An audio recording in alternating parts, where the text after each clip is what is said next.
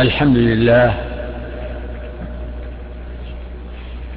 حمدا كثيرا طيبا مباركا فيه وصلى الله وسلم وبارك على عبده ورسوله وعلى آله وصحبه ومن اهتدى بهداه.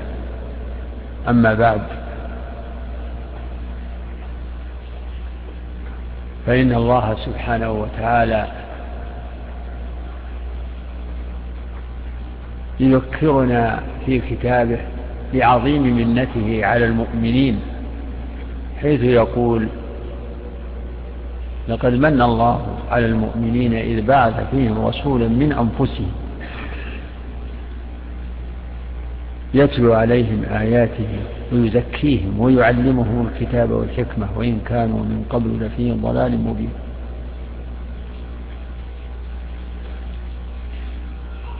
إن بعثة محمد صلى الله عليه وسلم هي أعظم نعمة من الله بها على البشرية. ولهذا قال سبحانه وتعالى وما أرسلناك إلا رحمة للعالمين. فبعثته رحمة من الله لجميع العالمين. ولكن الذين انتفعوا بهذه الرحمة وبهذه النعمة هم من من الله عليهم فالمنة خاصة بالمؤمنين. لقد من الله على المؤمنين. فمن حيث أنه رحمة هو رحمة لكل الناس. تبارك الذي نزل الفرقان على عبده ليكون للعالمين ليكون للعالمين نذيرا. فهو رحمة من حيث أنه نذير لجميع العالمين. ولكن منة الله برسالته خاصة بالمؤمنين. ولهذا نقول يمن الله على من يشاء. قالت لهم رسلهم إن نحن إلا بشر مثلكم ولكن الله يمن على من يشاء. يشبه قوله تعالى يؤتي فضله من يشاء. يشبه قوله يهدي من يشاء.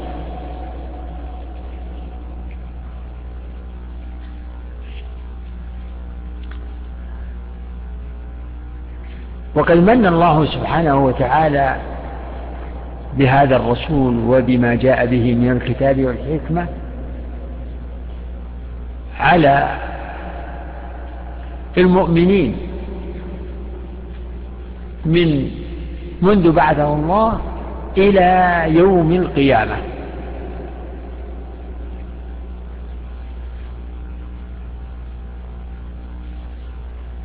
فكل من قبل دعوة الرسول فآمن به واتبعه فهو ممن من الله عليهم ببعثته. ممن من الله عليهم ببعثته.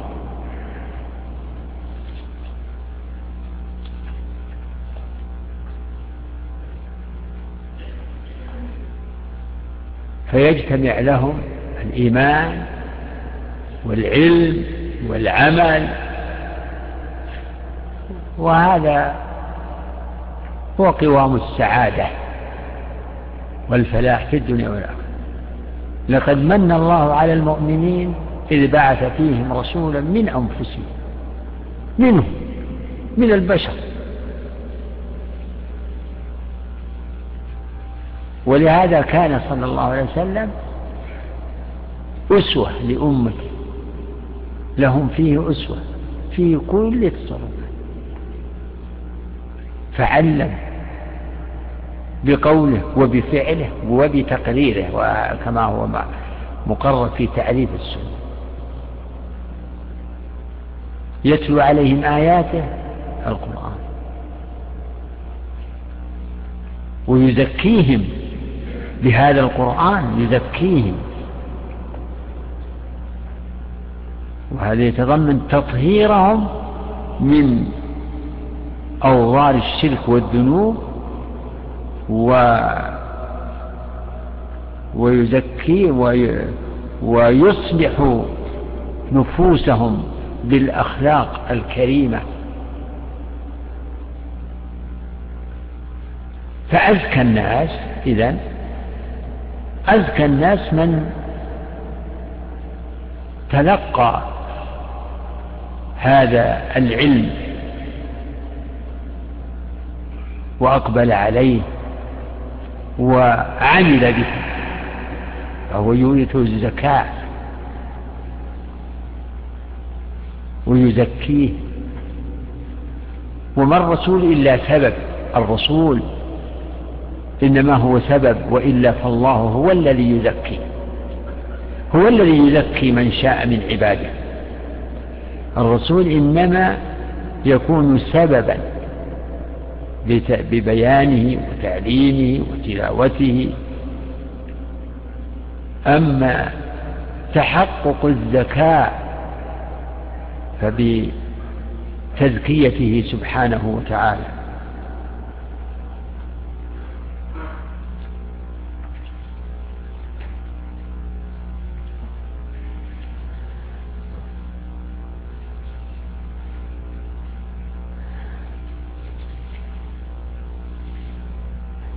ولولا فضل الله عليكم ورحمته ما زكى منكم من أحد أبدا ولكن الله يزكي من يشاء.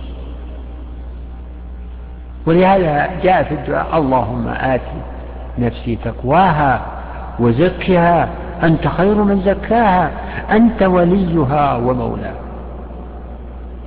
ولكن العبد من جهته أيضا أنه يزكي نفسه بأن يأخذ بالأسباب ويعمل. فما سبب؟ ما السبب الذي يعني نقدر عليه في تزكية نفوسنا؟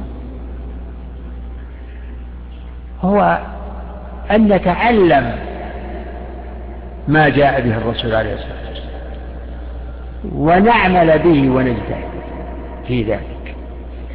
فتزكو نفوسنا قد أفلح من زكاها وقد خاب من دساها. قد أفلح من تزكى وذكر اسم ربه فصلى. ومن تزكى فإنما يتزكى لنفسه وإلى الله يصير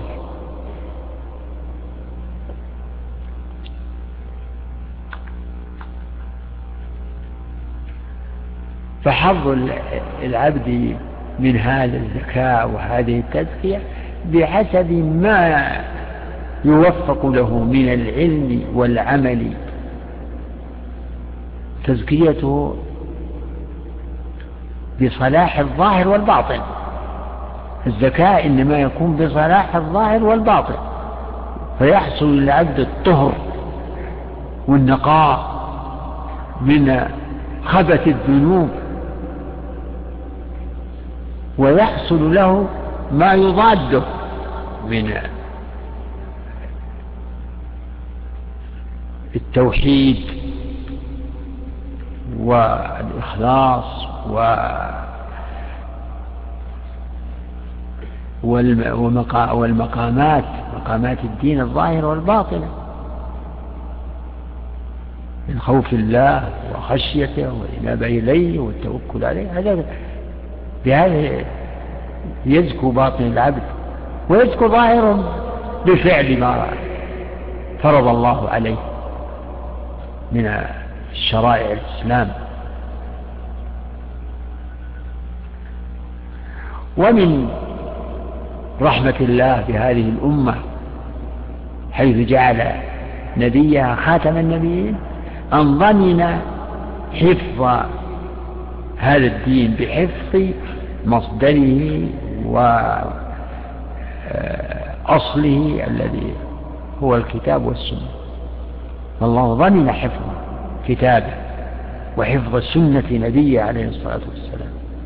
لأنه لا نبي بعده إذا فلا بد أن يبقى يبقى هذا النور وهذا العلم لتقوم الحجة حجة الله على عباده حتى يأتي أمر الله تبارك وتعالى. إنا نحن نزلنا الذكر وإنا له لحافظون. وقد أخبر النبي عليه الصلاة والسلام في الحديث الصحيح أنه لا تزال طائفة من أمته على الحق ظاهرا معناه يعني معناه أنهم قد عرفوا الحق وقاموا به. وفي الحديث المشهور يرث هذا العلم من كل خلف عجول ينفون عنه انتحال المبطلين وتأويل الجاهلين وتحريف الغالين. الحمد لله. وهذا مشاهد. فالصحابة تلقوا العلم عن نبيهم. تلقوا القرآن. ألفاظه ومعانيه وتلقوا سنته وحفظوا ذلك وبلغوه. كل بحسب ما أوتي. يعني الناس في العلم الصحابة ومن بعدهم هم في هذا الأمر في العلم والعمل على مراتب. وورثوه وبلغوه لمن بعدهم ومن بعدهم بلغوه. وأئمة الدين الذين عنوا بهذا بهذا العلم عنوا به رواية وجمعا وتمييزا. أما القرآن فهو يعني محفوظ حفظا وكتابة والسنة قد حفظت أيضا ولكن أيضا بحكم أنه يعني أنها ما هي محفوظة من كل وجه. قد تعرضت لإدخال ما ليس منها حديث موضوعة أو أحاديث ضعيفة. فقيد الله أئمة الحديث للعناية بذلك وذلك بمعرفة الرجال رجال الأسانيد ومعرفة أحوالهم ومراتبهم وتواريخ حياتهم كما تعلمون في علم علوم الحديث. وبالتمييز تمييز الصحيح من السقيم.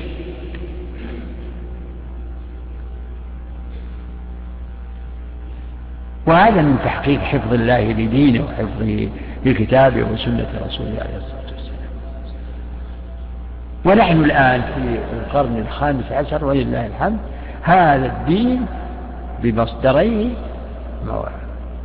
محفوظ وميسر لمن طلبه.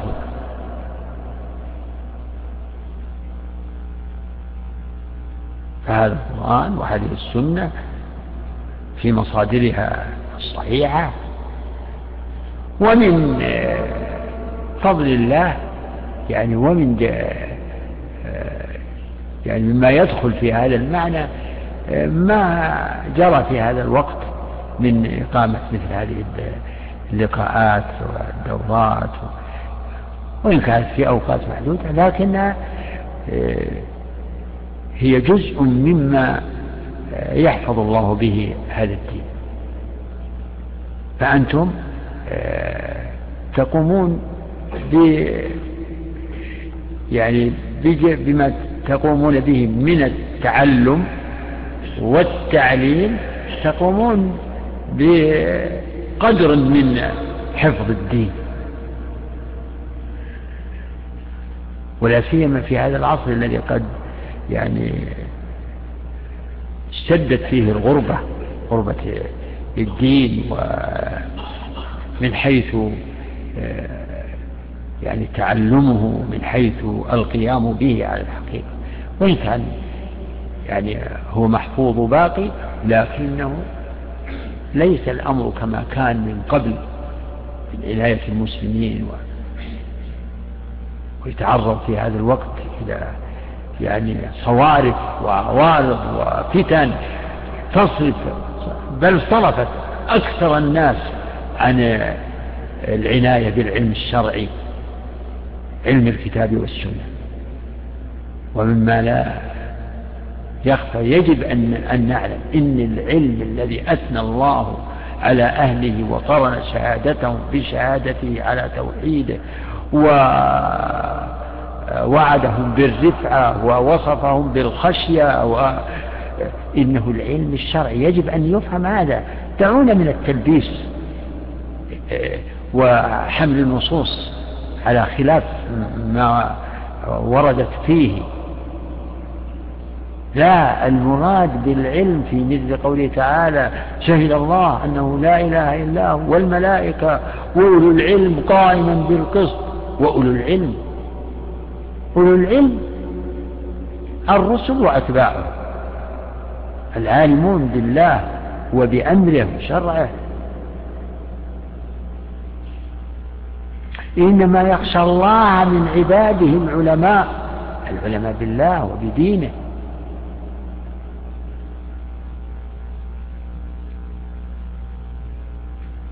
قوله تعالى هل يستوي الذين يعلمون والذين لا يعلمون؟ وردت في أي سياق؟ وردت بعد قوله أمن هو قانت آناء الليل ساجدا وقائما يحذر الآخرة ويرجو رحمة ربه. قل هل يستوي الذين يعلمون والذين لا يعلمون؟ هذه جاءت الآية بعد ذكر صنفين.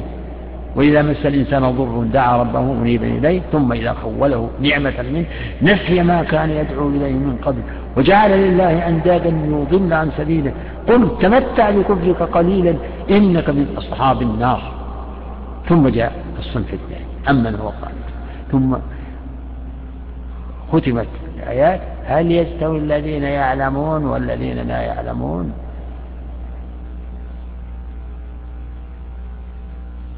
فالعالمون هم هم العالمون بالله وبأمره الدائمون على طاعته قانتون. يخافون الله ويرجون رحمته ويخافون عذابه.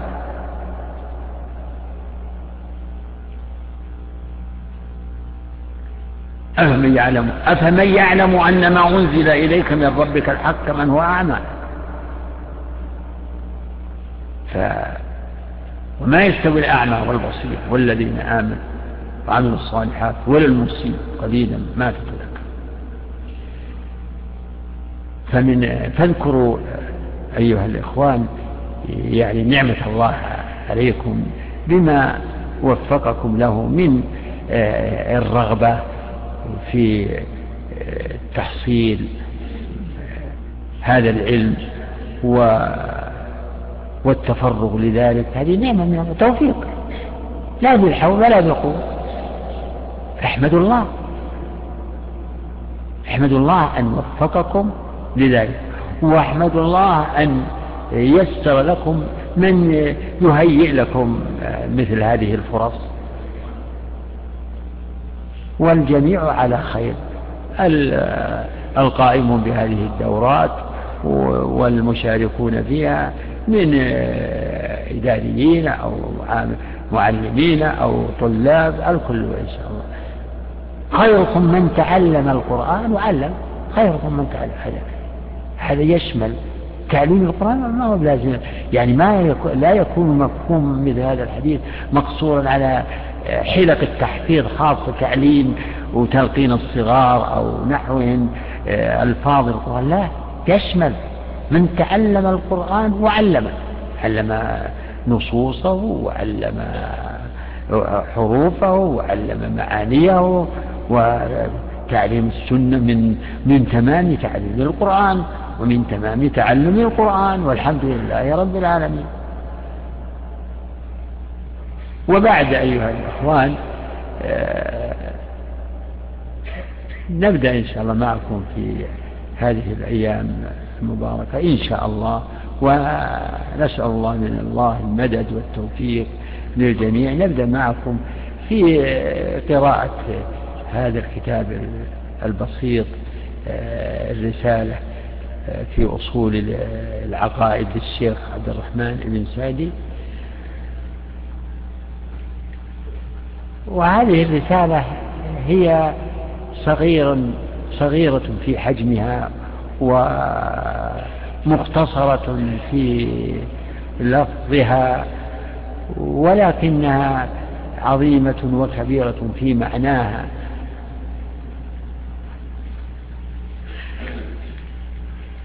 والشيخ عبد الرحمن بن سعدي الشيخ عبد الرحمن بن ناصر السعدي علامة القصيم في القرن الرابع عشر معروف فهو من أعلام العلماء والمتميزين في علم الشريعة وفي آه، منهج التعليم مناهج التعليم. فهو رحمه الله كما هو مذكور في ترجمته ولد آه، سنة 307 وتوفي سنة 76 وثلاثمائة بعد الألف.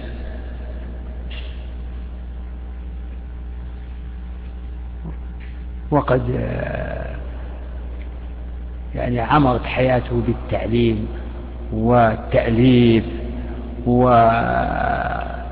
وتخرج على يده العشرات بل المئات من طلاب العلم وألف المؤلفات الصغيرة والكبيرة ولكن أعظمها هو تفسير القرآن تيسير الكريم الرحمن في تفسير المنان أو معه تفسير السعدي. هذا تفسير نادر. يعني أستطيع أقول أنه لا نظير له في طريقته وأسلوبه. ولهذا أنا أوصي كل من سألني عن ماذا يمكن يعول عليه في تفسير القرآن أنا أوصي بكتابه. تفسير الشيخ عبد الرحمن السعدي وتفسير ابن كثير. فليس فيه ما, ما يجعل الباحث والقارئ يتشتت في في أنواع الفنون لا. وتفسير السعدي أكثر انحصار على آه، تبيين آه، معاني الآيات بطريقة واضحة وأسلوب بين واضح.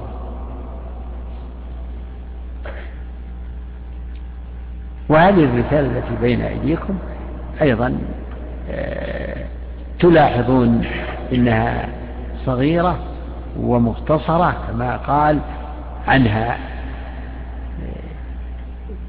إنه قصد بذلك ذكر هذه الأصول على وجه الاختصار وانها يعني بسبب إنه اختصرها وضغطها انها كالفهرست لما تضمنته من المسائل. والشيخ رحمه الله بنى هذه الرسالة يعني على خمسة أصول. التي قال عنها أصول العقائد الدينية. خمسة وتضمن ما ذكره في هذه الأصول جميع تضمن في جملتها تضمنت أصول الإيمان الستة. وتضمنت أكثر ما يذكره أهل العلم في في من مسائل العقيدة.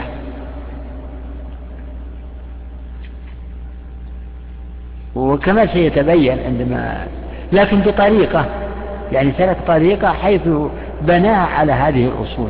ثم يدخل في كل أصل أمور هي من مسائل العقيدة ويذكرها لأن كل أصل يعني أصول الاعتقاد هي أصول الإيمان.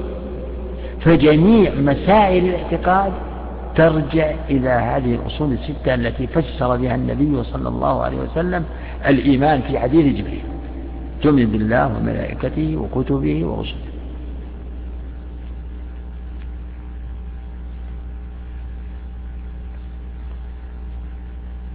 وتؤمن بالقدر نعم ورسله واليوم الآخر وتؤمن بالقدر خيره وشره. جميع مسائل الاعتقاد أبدا. لا لا تخرج عن هذه الأصول كلها منها ما يرتبط بعدد من هذه الأصول ومنها ما يرتبط بأصل واحد وهكذا. وبعضها بل هي كلها مرتبط بعضها ببعض.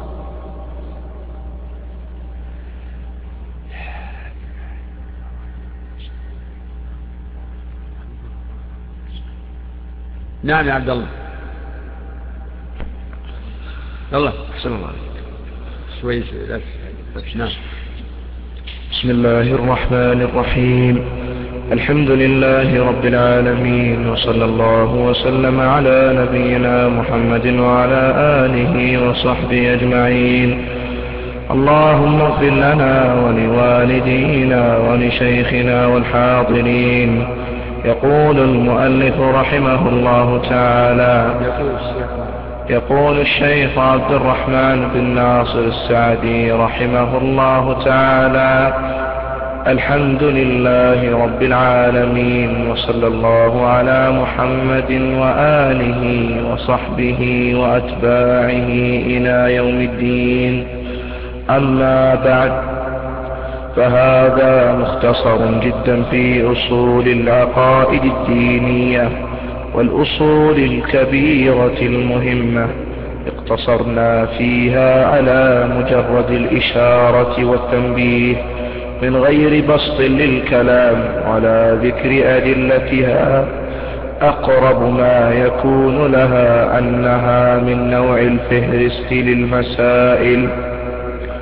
لتعرف أصولها ومقامها ومحلها من الدين. ثم من له رغبة في العلم يطلب بسطها وبراهينها من أماكنها. وإن يسر الله وفسح في الأجل بسطت هذه المطالب ووضحتها بأدلتها.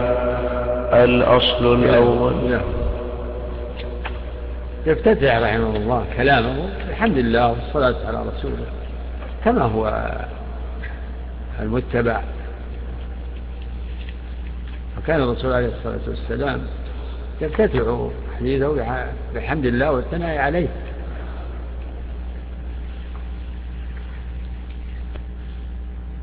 فهو تعالى المستحق للحمد والثناء لأنه المولي لجميع النعم. وهو الموصوف بجميع المحامد فهو المستحق للحمد كله.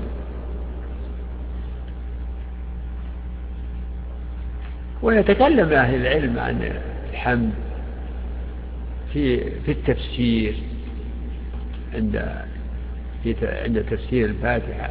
ويتكلم شراح المتون وشراح الكتب يتكلمون عن الحمد ومعناه والفرق بينه وبين الشكر فمن الناس من يقول الحمد والشكر معناهما واحد وهو وأن المقصود هو تعظيم المنعم.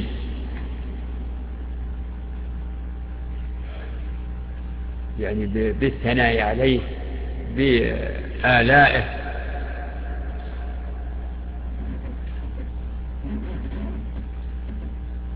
ومع تعظيمه ومحبته ومنهم من يفرق بين الحمد والشكر.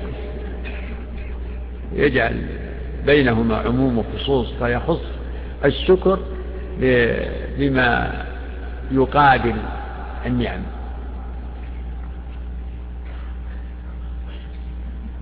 فالثناء على الله بنعمه وذكر آلائه هذا شكر. وأما الثناء عليه بسائر صفات كماله فهذا حمد ذكر محامده وصفات كماله لأنه المحمود على كل حال على السراء والضراء والعطاء والمنع. وهذا أجود أن يكون الحمد أعم لأنه يكون في مقابل النعم وغيرها وأيضا يكون يقول الباحثون في هذا إن إن الحمد أخص يعني من جهة الآلة. يعني ما يكون به الحمد القلب واللسان. الحمد يكون بالقلب واللسان. وأما الشكر فيكون بالقلب واللسان والجوارح. يذكرون في هذا المقام البيت المشهور أفادتكم النعماء مني ثلاثة يدي ولساني والضمير المحجب.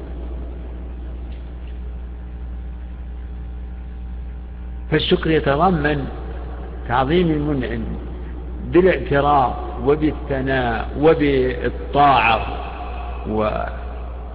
والقيام بالخدمة بشكل يعني باعتبار المعنى العام.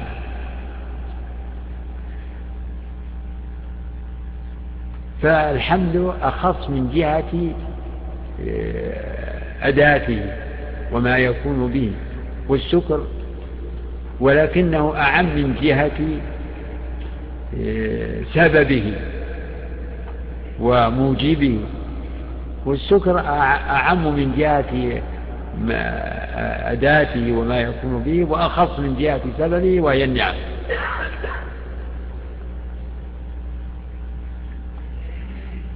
الحمد لله رب العالمين. هذان اسمان من أسمائه الحسنى. والله هو هو أجمع الأسماء لما لأسمائه وصفاته. الله. وأخص الأسماء به. الله.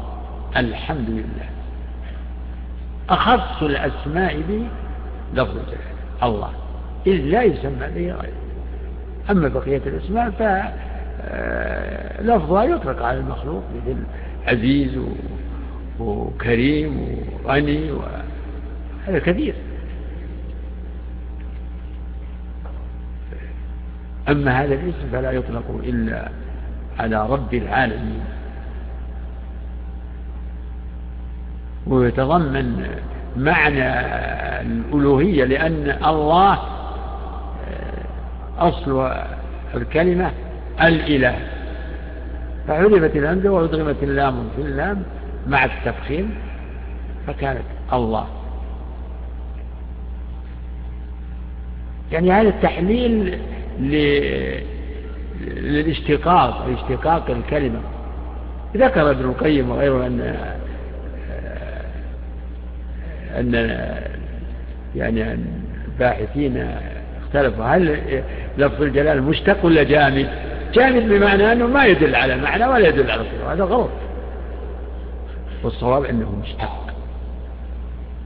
ومعنى ذلك أنه يدل على صفة. وقد جاء عن ابن عباس رضي الله عنه في تفسير هذا الاسم أنه ذو الألوهية. والمع والمعبودية. تجدون في بعض الكتب والعبودية والصواب المعبودية هو ذو الألوهية والمعبودية. الله هو المعبود ذو الألوهية والمعبودية على خلقه أجمعين.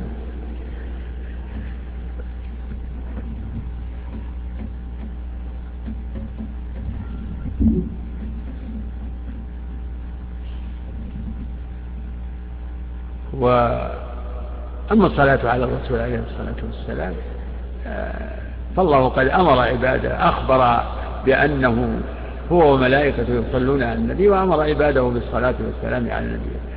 وأحسن ما قيل في الصلاة على الرسول كما جاء عن أبي العالية فهو أثر مشهور أن صلاة الله على على عبدي تناؤه عليه الملائكة.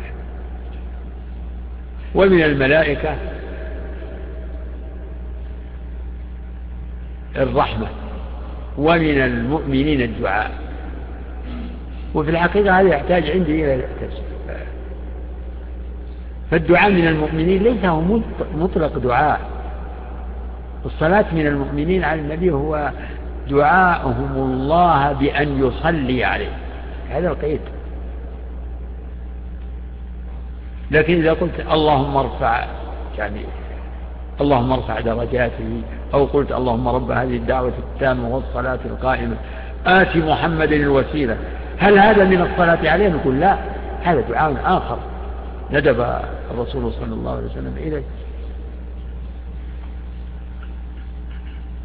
أما الصلاة عليه ولهذا جاء في نفس الحديث. من من قال حين يسمع ما مثل ما يقول المؤذن ثم صلى علي ثم قال اللهم رب هذه الدعوة. أو ثم سأل لي الوسيلة حلت عليه شفاعتي؟ ففرق بين سؤال الوسيلة والصلاة عليه. إذا سمع الإنسان المسلم الأذان وقال مثل ما يقول المؤذن فإنه يصلي على الرسول ثم يدعو ذلك الدعاء.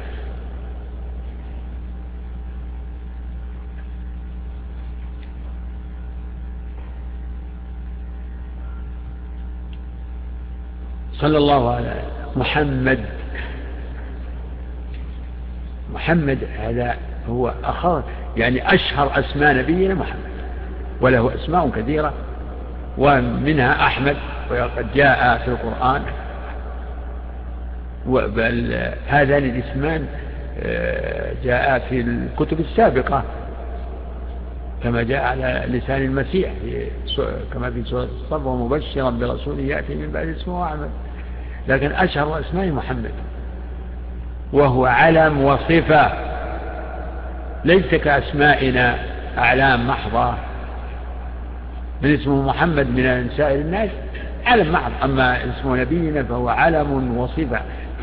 ما معنى ذلك؟ معناه إنه إنه دال على شخص الرسول ودال على كثرة حامديه لكثرة محامده عليه الصلاة والسلام. محمد اسم مفعول من حمد. حمد وصيغة مبالغة ما أبلغ من حمد. فمحمد أبلغ من محمود. محمد أبلغ من محمود. لأن محمود من من حمد ومحمد من حمد فيه تضعيف وتكثير. ولنبينا أسماء أخبر بها صلى الله عليه وسلم في الحديث الصحيح أنه قال أنا محمد وأنا أحمد وأنا الحاشر الذي يحشر الناس على قدمي وأنا الماحي الذي يمحو الله به الكفر وأنا العاقب فلا نبي بعدي أو كما قال عليه الصلاة والسلام وآله وصحبه الآل فسر بأهل بيته من قرابته وعشيرته الأدنين وهم بنو هاشم وزوجاته كلهم من آله أزواجه وذريته وكذلك أتباعه. فيدخل في هذا الاسم وآلي آله يعني بالمعنى الخاص وهم أهل بيته وعشيرته والمعنى العام الذي هم أتباعه على دينه منذ بعثه الله إلى أن تقوم الساعة. صلى الله على وصلى الله على نبينا محمد وآله وصحبه. وعطف الصحب على الآل يشبه أنه من عطف الخاص على العام. وقد جرى أهل السنة على ذكر الصلاة على الأصحاب. وإن كانوا داخلين في الآل واللفظ لفظ الصلاة الوارد الذي علمه النبي صلى الله عليه وسلم أصحابه إنما ذكر فيه الآل قالوا كيف نصلي عليه؟ قال قولوا اللهم صل على محمد وعلى آل محمد. لكن أهل السنة جروا على ذكر الأصحاب بعد الآن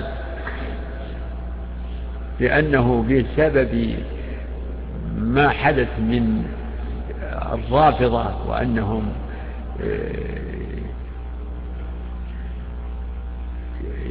إنما يعظمون الآل أهل البيت فقط ويبغضون الصحابة.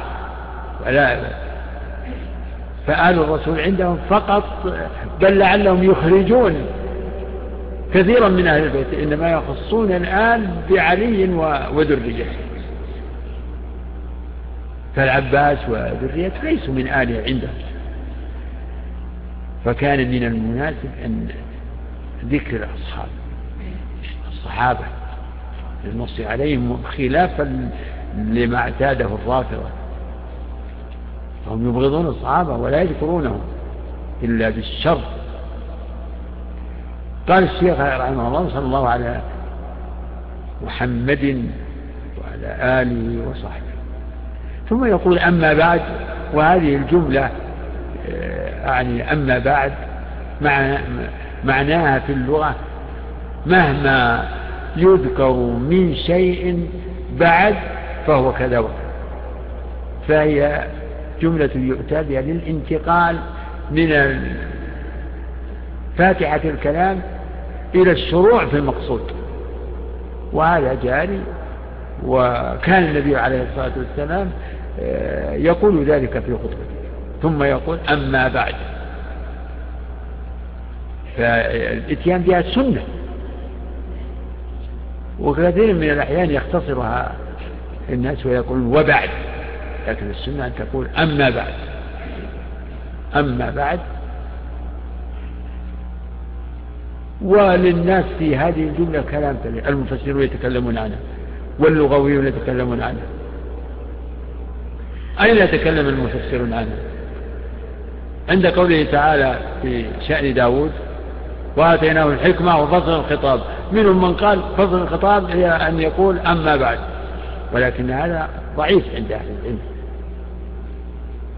فصل الخطاب هو القول الفصل الذي يحصل به الفصل بين المتنازعين والفصل بين المشتبهات. وآتيناه الحكمة وفصل الخطاب.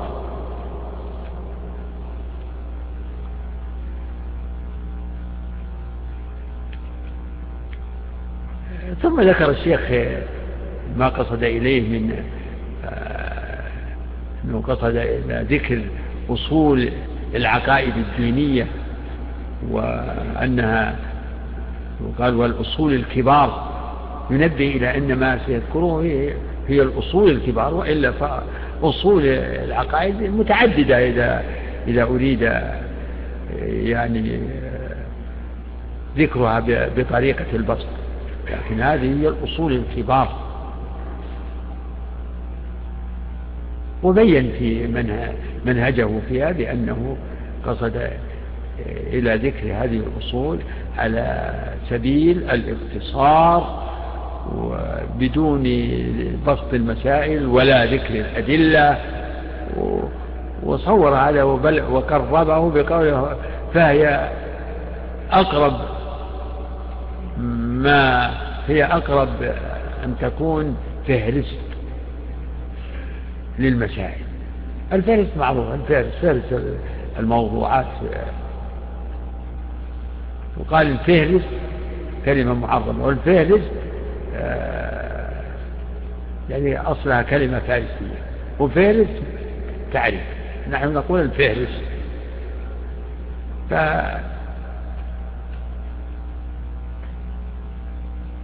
فالأولى أن نقول فهرس ولا نقول فهرس نأخذ بالتع... باللفظ المعظم. وإذا قيل الفهرس فلا, فلا مانع. يقول أشبه أن تكون يعني أقرب ما يكون ما ذكره على وجه الاختصار ك يعني من نوع الفهرست للمسائل. ثم رحمه الله يعني يقول إن من كان له همة في التوسع الحمد لله الأمر موجود ومتيسر والمصادر ميسرة كتب العقائد والمصنفات في هذا الأمر آه، كثيرة قديما وحديثا. ووعد رحمه الله بأن آه، بأن آه، إن, إن كان في العمر فسحة ومد الله في حياته أن يبسط هذه المسائل ويذكر أدلتها. ثم لا ندري هل يعني تيسر له ذلك وأنه شرع في بسط هذه الرسالة وكما كما رجا وأمل ووعد رحمه الله ربما يكون هذا ولم يكشف عنه فيما أحسب والله أعلم. اقرأ عما بعد. اقرأ يا اقرأ عما بعد. عبد الله. أما بعد فهذا مختصر جدا في أصول العقائد الدينية والأصول الكبيرة المهمة. اقتصرنا فيها على مجرد الإشارة والتنبيه. من غير بسط للكلام ولا ذكر أدلتها أقرب ما يكون لها من نوع الفهرست للمسائل لتعرف أصولها ومقامها ومحلها من الدين. ثم من له رغبة في العلم يطلب بسطها وبراهينها من أماكنها. وإن يسر الله وفسح في الأجل بسطت هذه المطالب ووضحتها بأدلتها. رحمه الله جزاه الله عن الإسلام نعم الأصل الأول. نعم. الأصل الأول التوحيد. حد التوحيد الجامع لأنواعه. هو اعتقاد العبد وإيمانه بتفرد الله بصفات الكمال. وإفراده بأنواع العبادة فدخل في هذا فدخل في هذا توحيد الربوبية الذي هو اعتقاد انفراد الرب سبحانه بالخلق والرزق وأنواع والرزق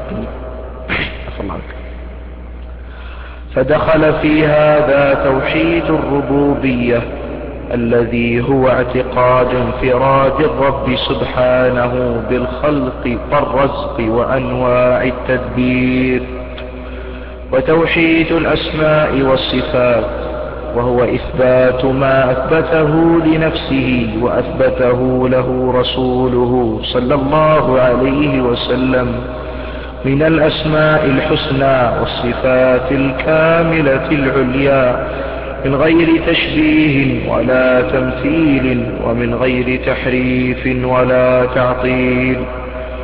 وتوحيد الألوهية والعبادة وهو إفراده وحده بأجناس العبادة بأجناس العبادة وأنواعها وإفراده وإفرادها. وأفرادها.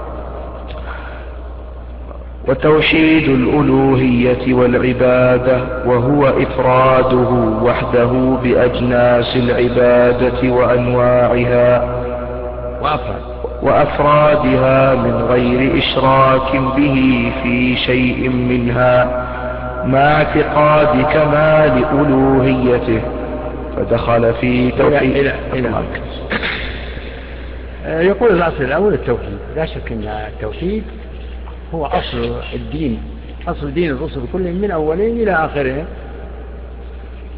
والتوحيد يعني أصل معناه في اللغة جعل الأشياء المتعددة واحدا.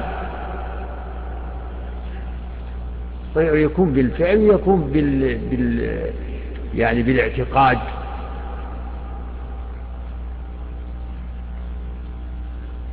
جعل الأشياء المتعددة واحدا توحيد بينها حتى تكون واحدا. ولهذا قال المشركون لما دعاه دعاهم الرسول صلى الله عليه وسلم إلى التوحيد وقول لا إله إلا الله قالوا أجعل الآلهة إلها واحدا؟ والمراد بهذا الجعل الجعل في الحكم يعني حكم أن الآلهة إله واحد أجعل الآلهة إلها واحدا؟ يعني في الحكم والتشريع. وهذا ي... ومعناه إبطال كل ما سوى الله مما يعبد من دونه سبحانه وهذا التوحيد في الحقيقة هو معنى لا إله إلا الله. فهي دالة على يعني فهي من نوع الحصر أسلوبها أسلوب الحصر. نفي واستثناء. لا إله إلا الله. فهي دالة على إبطال كل معبود سوى الله وتخصيص العبادة وإثبات الإلهية لرب العالمين. لا إله.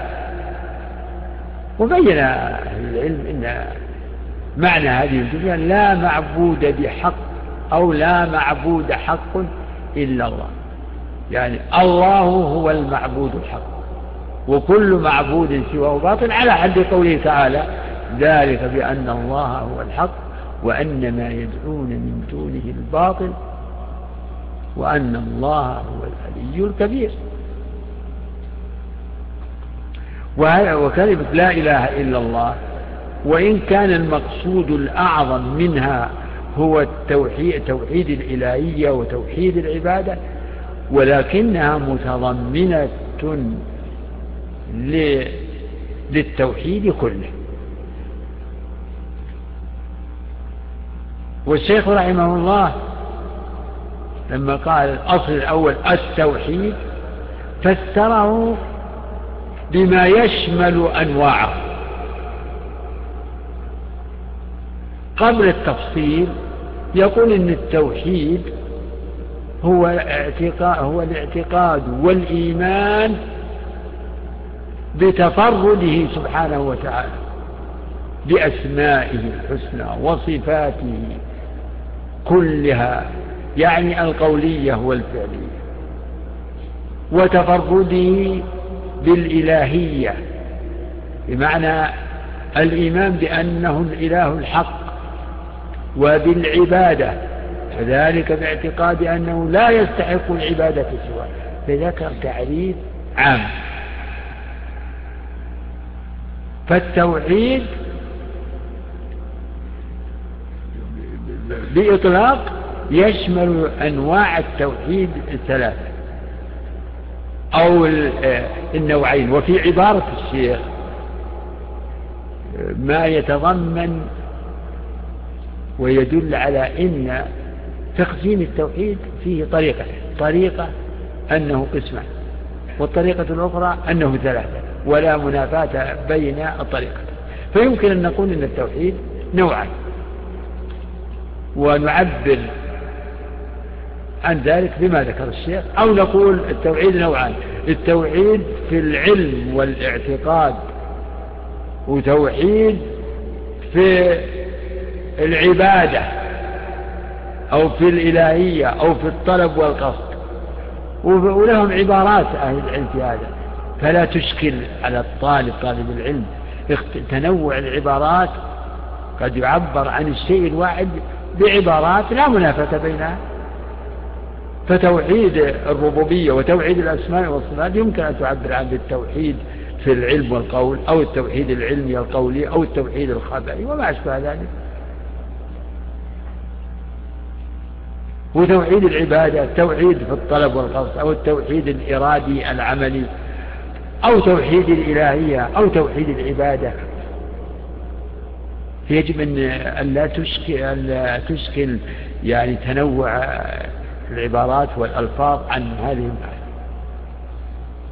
ولعلنا نتوقف اليوم عند هذه عند هذا الموضع لأن كلام الشيخ متواصل ومتراسل ومرتبط بعضه ببعض. فالآن نحن انتهينا إلى آه، تعريف التوحيد بمعناه العام الذي يشمل أنواعه. والله أعلم. لا إله إلا الله.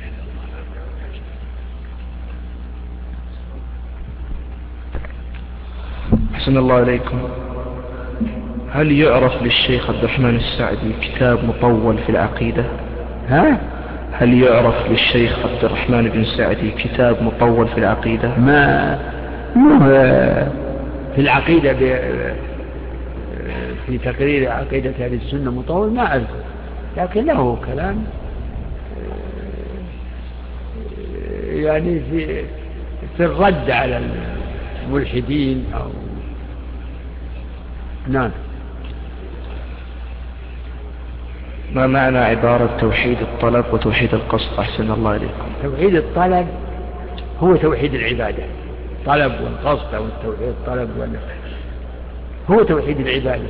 لأن توحيد العبادة فيه طلب. أنت الآن آه، توحيد آه، العبادة في عمل. ظاهر وباطن ففي الباطن إرادة وقصد وطلب. وفي الظاهر كذلك طلب أنت تدعو ربك. الدعاء هذا طلب. كل أنواع العبادة تسمى دعاء. نعم. هل تنصحون عفى الله عنكم بشرح الشيخ على الواسطية وكتاب التوحيد؟ إيش؟ هل تنصحون بشرح الشيخ عبد الرحمن السعدي على شرح الواسطية وكتاب التوحيد. إيه نعم. لو لو شرح على العقيدة ما له يعني كلام مقتضب في على كتاب التوحيد يسمى القول السديد في مقاصد كتاب التوحيد. عفى الله عنكم انتهت الأسئلة يا شيخ. انتهى. بارك الله